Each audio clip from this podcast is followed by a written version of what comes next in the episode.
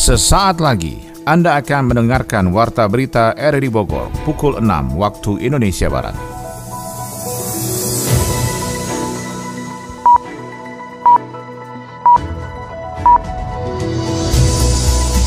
Selamat pagi dan salam jumpa. Kembali kami hadir dalam Warta Berita edisi hari ini, Jumat 10 Februari 2023. Siaran kami bisa Anda dengarkan lewat audio streaming di RRD Play dan bisa Anda dengarkan juga di audio on demand di Spotify, Anchor, Portal, dan Google Podcast.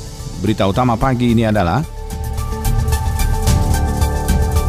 Presiden Jokowi meminta media massa dapat mendorong pemilihan umum 2024 yang jujur dan adil. Sekarang ini masalah yang utama menurut saya adalah membuat pemberitaan yang bertanggung jawab. Angin kencang menyebabkan pohon tumbang dan atap rumah terbang di Bogor. Ada hujan serta dengan angin kencang tadi. Kejadian yang kita terima laporannya ada enam kejadian, tiga pohon tumbang dan tiga lagi lokasinya atap rumah terbang. 50 persen perusahaan industri padat karya di Kabupaten Bogor gulung tikar. Sampai hari ini mereka belum dapatkan semacam solusi permanen sehingga banyak hal yang membuat mereka sulit untuk bertahan di Kabupaten Bogor pada khususnya. Saya Molanes Narto, inilah Warta Berita selengkapnya.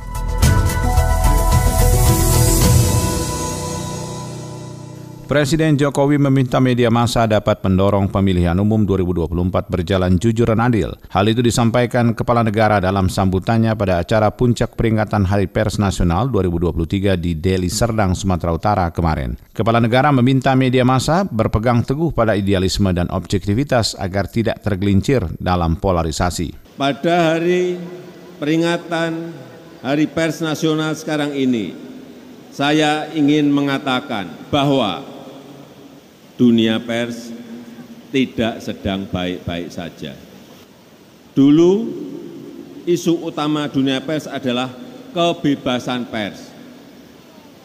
Selalu itu yang kita suarakan. Tapi sekarang apakah isu utamanya tetap sama?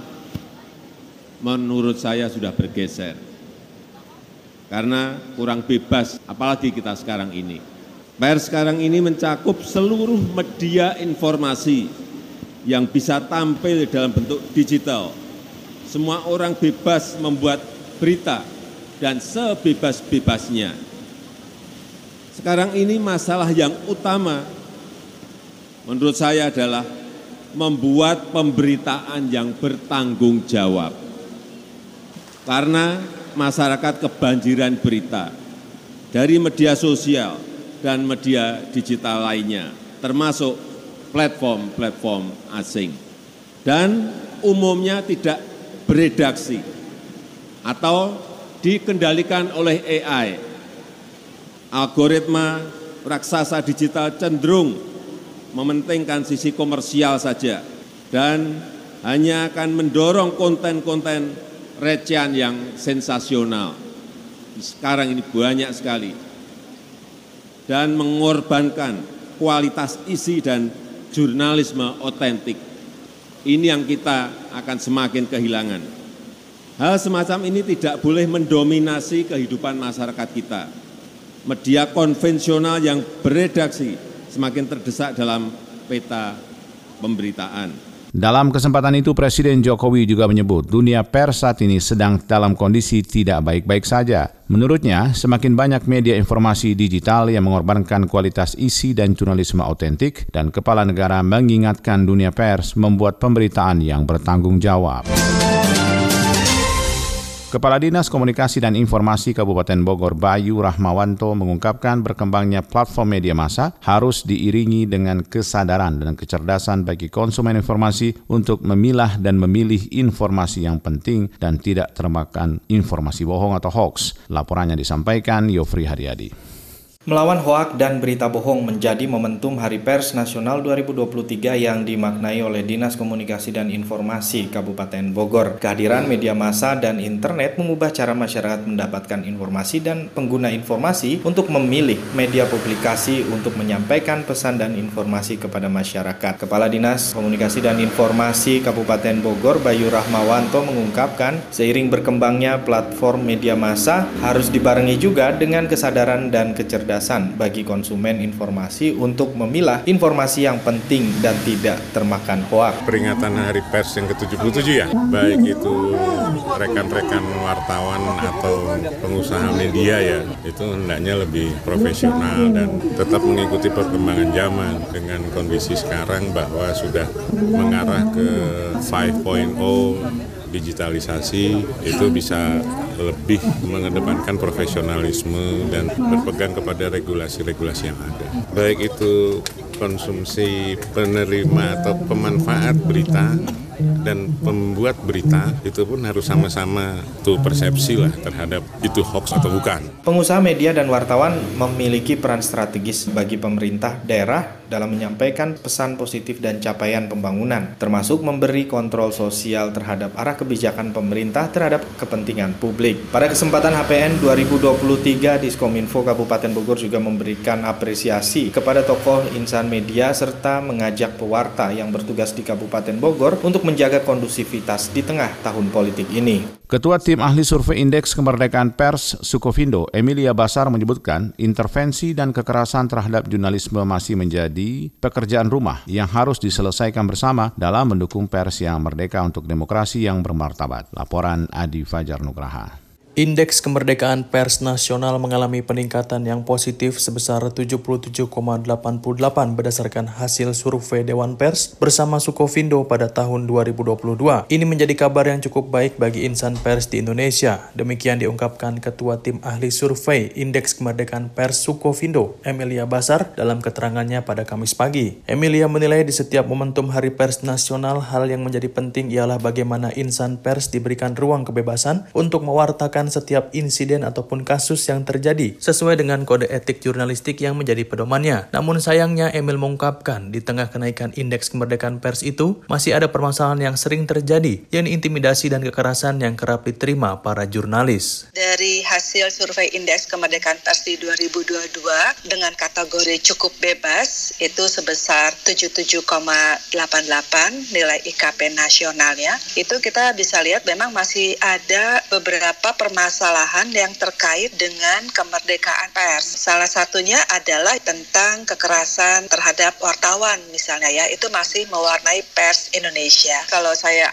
menyitir dari LBH Pers di 2021 itu ada sekitar kekerasan pers itu ada sekitar 55 kasus yang tersebar di 19 provinsi, sedangkan AJI Indonesia di 2021 mencatat 43 kekerasan. Selain kasus kekerasan, beberapa indikator juga menjadi penilaian dalam survei kemerdekaan pers seperti sejauh mana tingkat intervensi terjadi di lapangan terhadap para wartawan. Tidak hanya itu, Emilia mengatakan intervensi sebuah pemberitaan juga bisa terjadi terhadap lembaga ataupun perusahaan pers itu sendiri. Namun begitu, Emilia menekankan bahwa insan pers seharusnya bebas dari intervensi dan hanya mengedepankan etika jurnalistik untuk kepentingan publik. Ada tiga hmm. lingkungan yang kita jadikan instrumen penelitian yaitu lingkungan fisik dan politik itu terdiri dari kebebasan dari intervensi, lalu kebebasan dari kekerasan, yang ketiga juga kesetaraan akses bagi kelompok rentan dan juga intervensi ya. Intervensi ini nggak cuma ke wartawan saja, tapi juga intervensi pada perusahaan pers atau media itu sendiri. Hari Pers Nasional HPN 9 Februari 2023 mengangkat tema Pers Merdeka Demokrasi Bermartabat. Puncak HPN 2023 diselenggarakan di Provinsi Sumatera Utara yang dihadiri Presiden Republik Indonesia Joko Widodo, Gubernur se-Indonesia, 13 duta besar hingga wartawan liburan se-Indonesia. Rek, lihat deh tuh si Via. Di medsosnya sering banget posting liburan. Uang dari mana ya? Oh, gitu. Eh, kamu tau si Boy gak sih? Kemarin kan aku ketemu ya, dia sama pacar barunya. Dia kenapa ya sering banget gonta-ganti pacar? Hmm. Terus nih, si Nana tuh, si anak mami itu. Jess, gak lihat aku lagi sibuk ngetik. Kalau diajak rumpi terus, kapan selesainya? Tapi seru tahu bahas mereka. Kamu sadar nggak sih? Nggak baik sering-sering ngurusin hidup orang lain. Aku kan penasaran. Penasaran sih wajar. Tapi bukan berarti harus serba cari tahu. Ih, Daripada buang-buang waktu, tenaga sama pikiran buat cari tahu privasi orang lain, lebih baik lakuin kegiatan yang produktif. Iya deh, maaf. Jangan marah dong, Re. Tapi ini tugas aku belum selesai tahu, bantuin dong. Kebanyakan kepoin orang sih. Jadi tugasnya nggak beres-beres.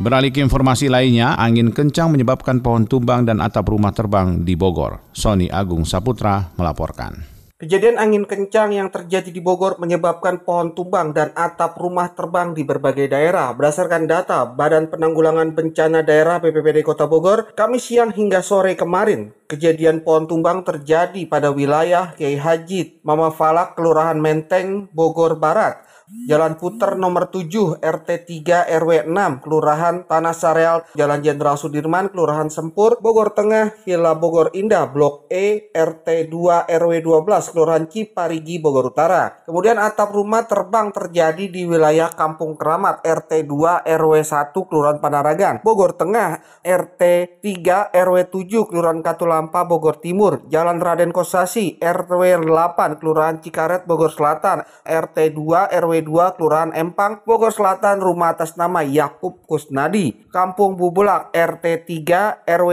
4 Kelurahan Kencana Tanah Sarea, Kota Bogor.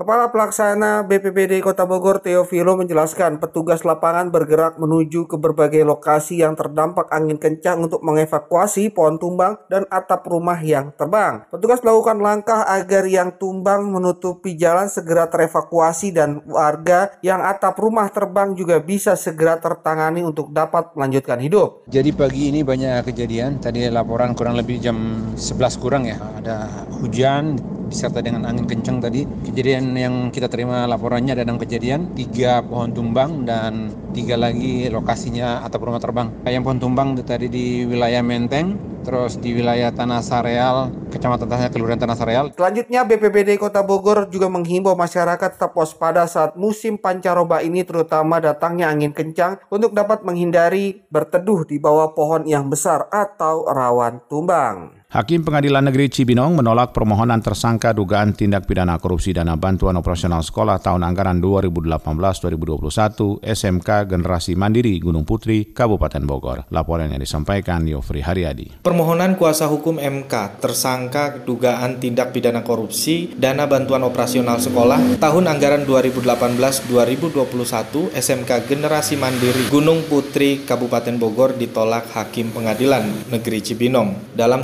sidang yang dipimpin Hakim Sri Suryani itu menolak permohonan Solahuddin Dalimunte selaku kuasa hukum tersangka MK yang meminta membatalkan penetapan tersangka yang ditetapkan oleh Kejaksaan Negeri Kejari Kabupaten Bogor. Kasih Pidana Khusus Kejari Kabupaten Bogor Dodi Wiratmaja mengungkapkan langkah berikutnya adalah melakukan tahap 2 proses penyidikan yaitu melengkapi pemberkasan yang sudah dilaksanakan sebelumnya. Ya kita lanjutkan ke penyidikan lah, bukan menang ya. Setidaknya permohonan mereka kan tidak dikabulkan ya kan? Bahwa sah penyidikan kita. Kita lanjutkan lah untuk tahap selanjutnya. Nah, kan kita ulang lagi uh, untuk penetapan tersangka kembali kan? Selanjutnya ya berarti berjalan tahap kedua lah pemberkasan. Pak Kajari ini kan baru dilantik juga nih Pak Kajari baru nah, petunjuknya seperti apa nanti kita sampaikan lah nanti ya. Kalau kemarin pun ini pun dimenangkan juga ya kita sidik lagi sampai capek. Selain membatalkan penetapan tersangka Solahuddin Dalimunte juga meminta membebaskan tersangka dari tuntutan atau tuduhan karena pembatalan proses penyelidikan penggeledahan penyitaan objek penyelidikan dan memulihkan atau merehabilitasi rehabilitasi nama baik MK. Namun semua permohonan tersebut ditolak Majelis Hakim Pengadilan Negeri Cibinong. 50 persen perusahaan industri padat karya di Kabupaten Bogor gulung tikar akibat kondisi ekonomi global yang tidak pasti. Laporan Adi Fajor Nugraha. Tekanan ekonomi global berdampak langsung terhadap keberlangsungan industri tekstil di Kabupaten Bogor. Dari data tahun 2022, sedikitnya 18.000 pekerja mengalami pemutusan hubungan kerja atau PHK dari berbagai industri. Koordinator Dewan Pengupahan Kabupaten Bogor, Desi Sulastri mengungkapkan, dari 50 perusahaan tekstil yang ada, saat ini yang masih bertahan hanya 22 perusahaan. Desi tak menampik bahwa perusahaan yang bertahan melakukan segala upaya untuk tetap beroperasi di tengah kondisi finansial yang sulit, bahkan terus dibayang-bayangi oleh PHK. Sektor padat karya dan turunannya berjumlah sekitar di atas 50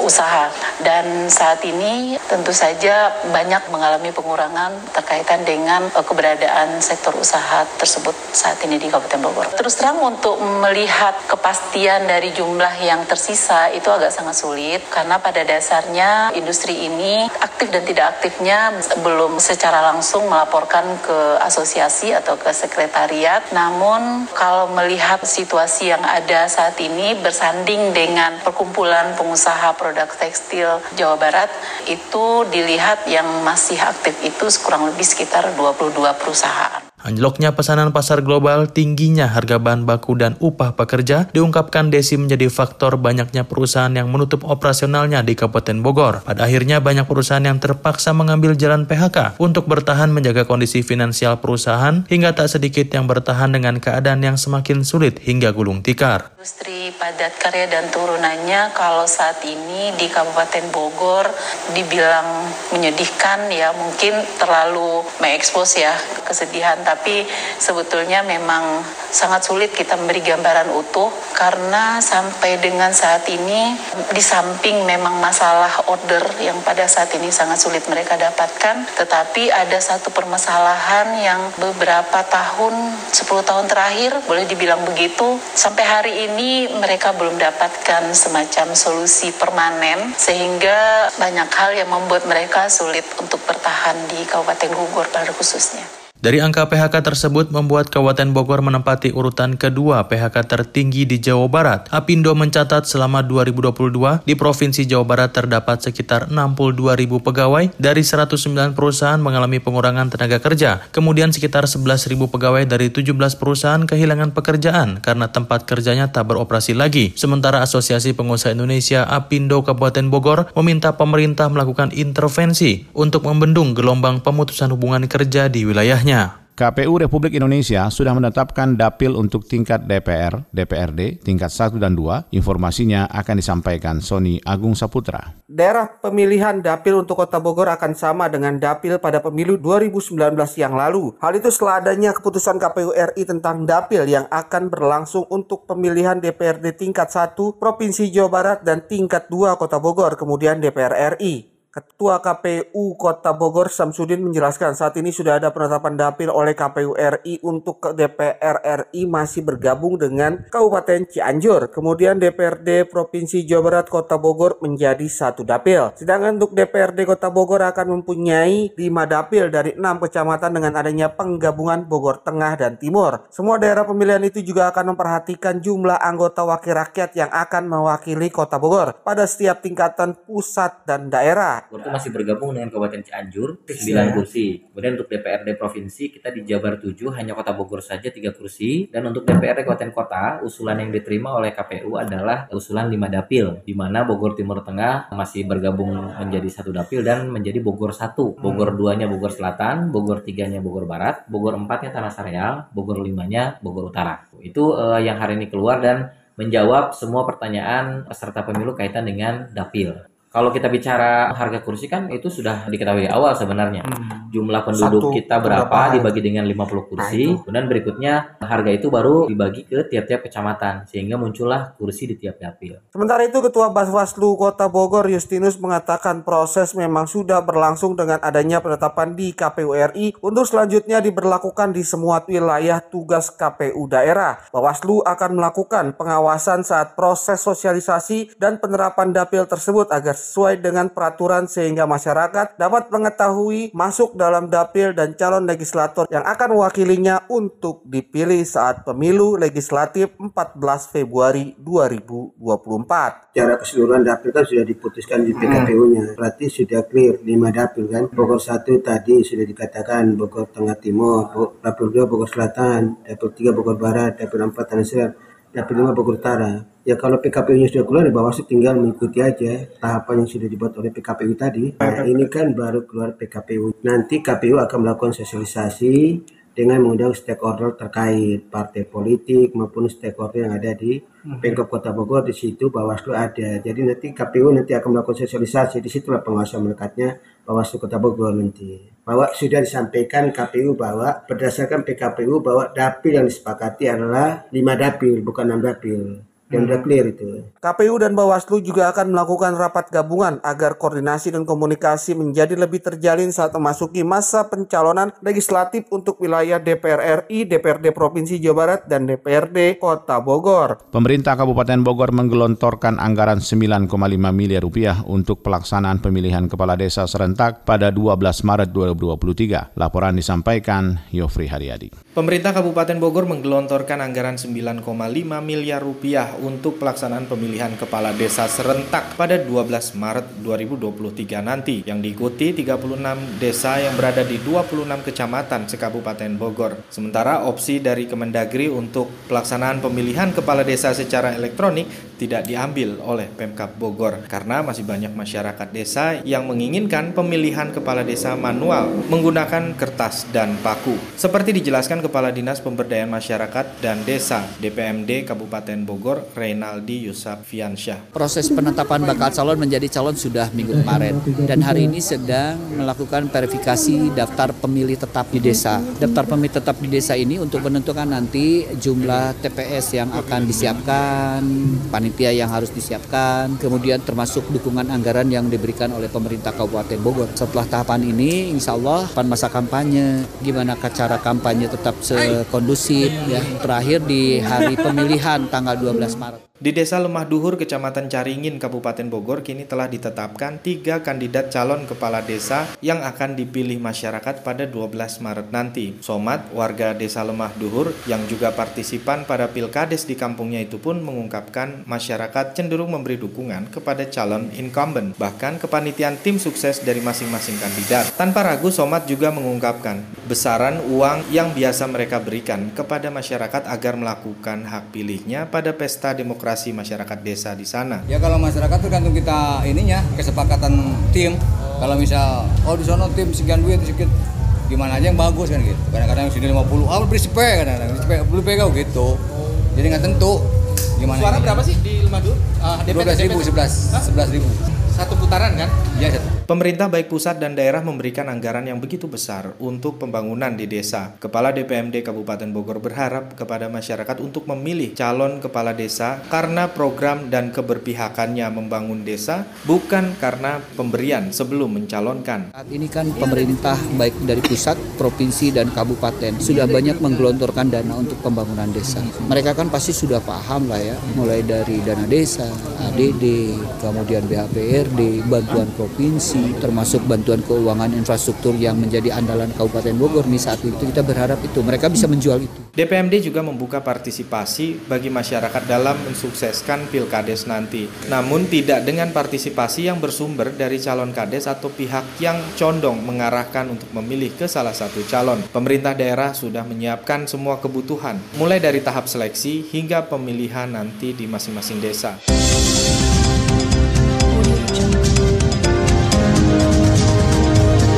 Anda tengah mendengarkan Warta Berita RRI Bogor. Dari dunia ekonomi, pemerintah akan terus melakukan hilirisasi produk sumber daya alam dalam negeri agar memberikan nilai tambah. Badan Pangan Nasional memastikan sejumlah produsen sepakat memasok minyak goreng ke BUMN Pangan.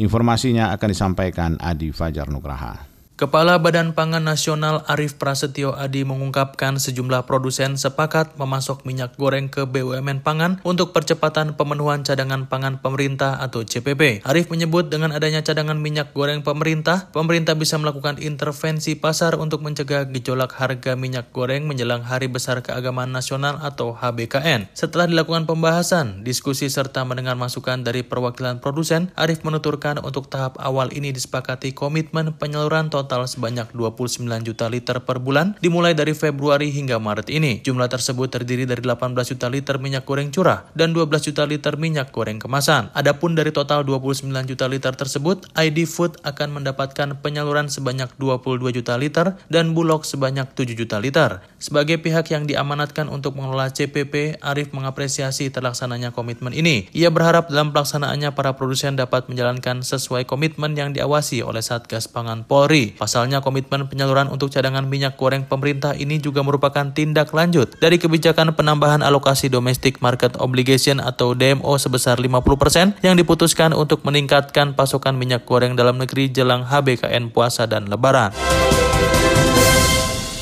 Pemerintah akan terus melakukan hilirisasi produk sumber daya alam dalam negeri hingga memberikan nilai tambah. Setidaknya ada 21 komoditas yang akan dilarang ekspor dalam bentuk mentah hingga 2040 mendatang. Menteri Investasi Bahlil Lahadalia mengatakan pemerintah sudah melarang ekspor nikel sejak tahun 2020. Lalu tahun ini akan dilanjutkan dengan bauksit dan tembaga. Totalnya ada 21 komoditas yang dilarang ekspor dalam bentuk mentah. Menurutnya 21 komoditas tersebut terbagi dari 8 sektor prioritas, antara lain mineral, batu bara, minyak, gas bumi, perkebunan, kelautan, perikanan, dan kehutanan. Bahlil mengungkap total investasi komoditas itu mencapai 545,3 miliar US dollar atau sebesar 8.179,5 triliun rupiah. Menurutnya ini adalah langkah dan strategi yang dilakukan pemerintah untuk menambah pundi-pundi ke perekonomian. Hal ini terbukti dari larangan ekspor nikel mentah pada 2020 yang memberikan nilai tambah sangat besar. Sebelum larangan, ekspor produk besi dan baja Indonesia hanya 3,3 miliar US dollar. Lalu setelah larangan diberlakukan, maka pada 2022 realisasi ekspor produk besi dan baja tercatat sebesar 27,8 miliar US dollar. Hal itu dilakukan pemerintah dalam rangka meningkatkan pendapatan per kapita, mendorong negara lebih baik dalam mengoptimalisasikan sumber daya alam yang ada. Dari dunia olahraga, dua atlet Perkemi Kabupaten Bogor mempersiapkan diri ke Pra Pekan Olahraga Nasional Sumatera Utara dan Aceh 2024. Pelatih Real Madrid Carlo Ancelotti terancam dipecat setelah hasil buruk yang didapatkan Real Madrid dalam sebulan terakhir. Kita ikuti selengkapnya dalam info olahraga bersama Ermelinda.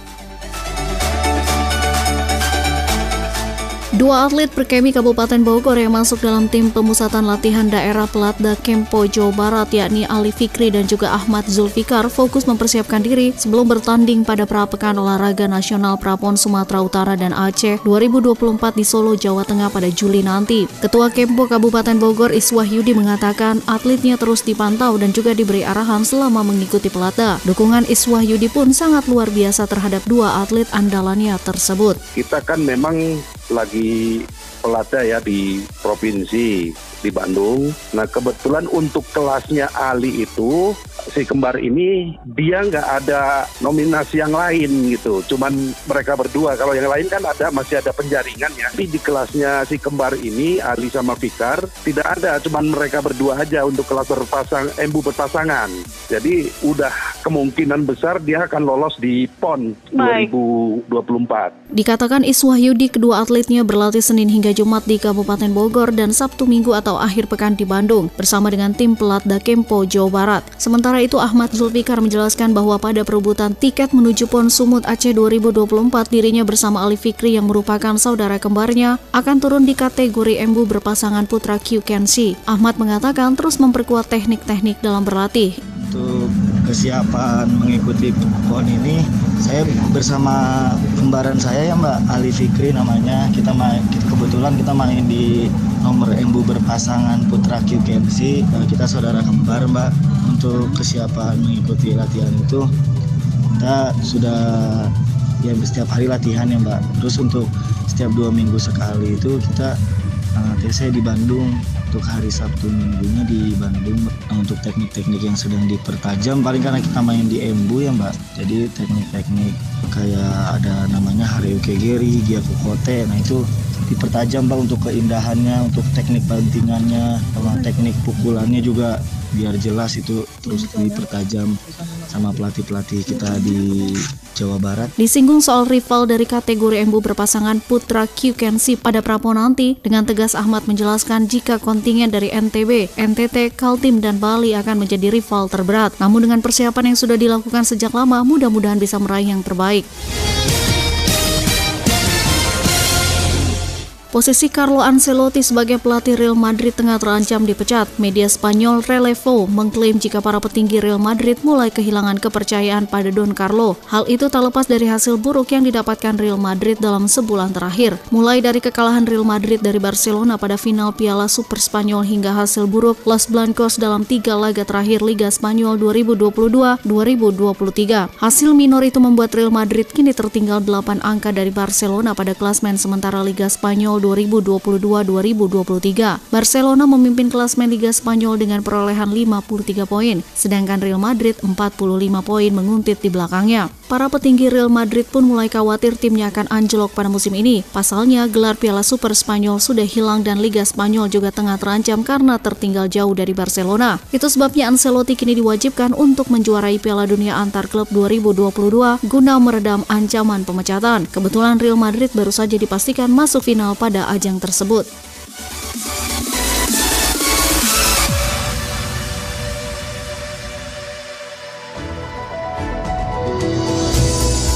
Demikian rangkaian informasi yang kami hadirkan dalam Warta Berita di edisi hari ini. Sebelum berpisah, kami kembali sampaikan berita utama.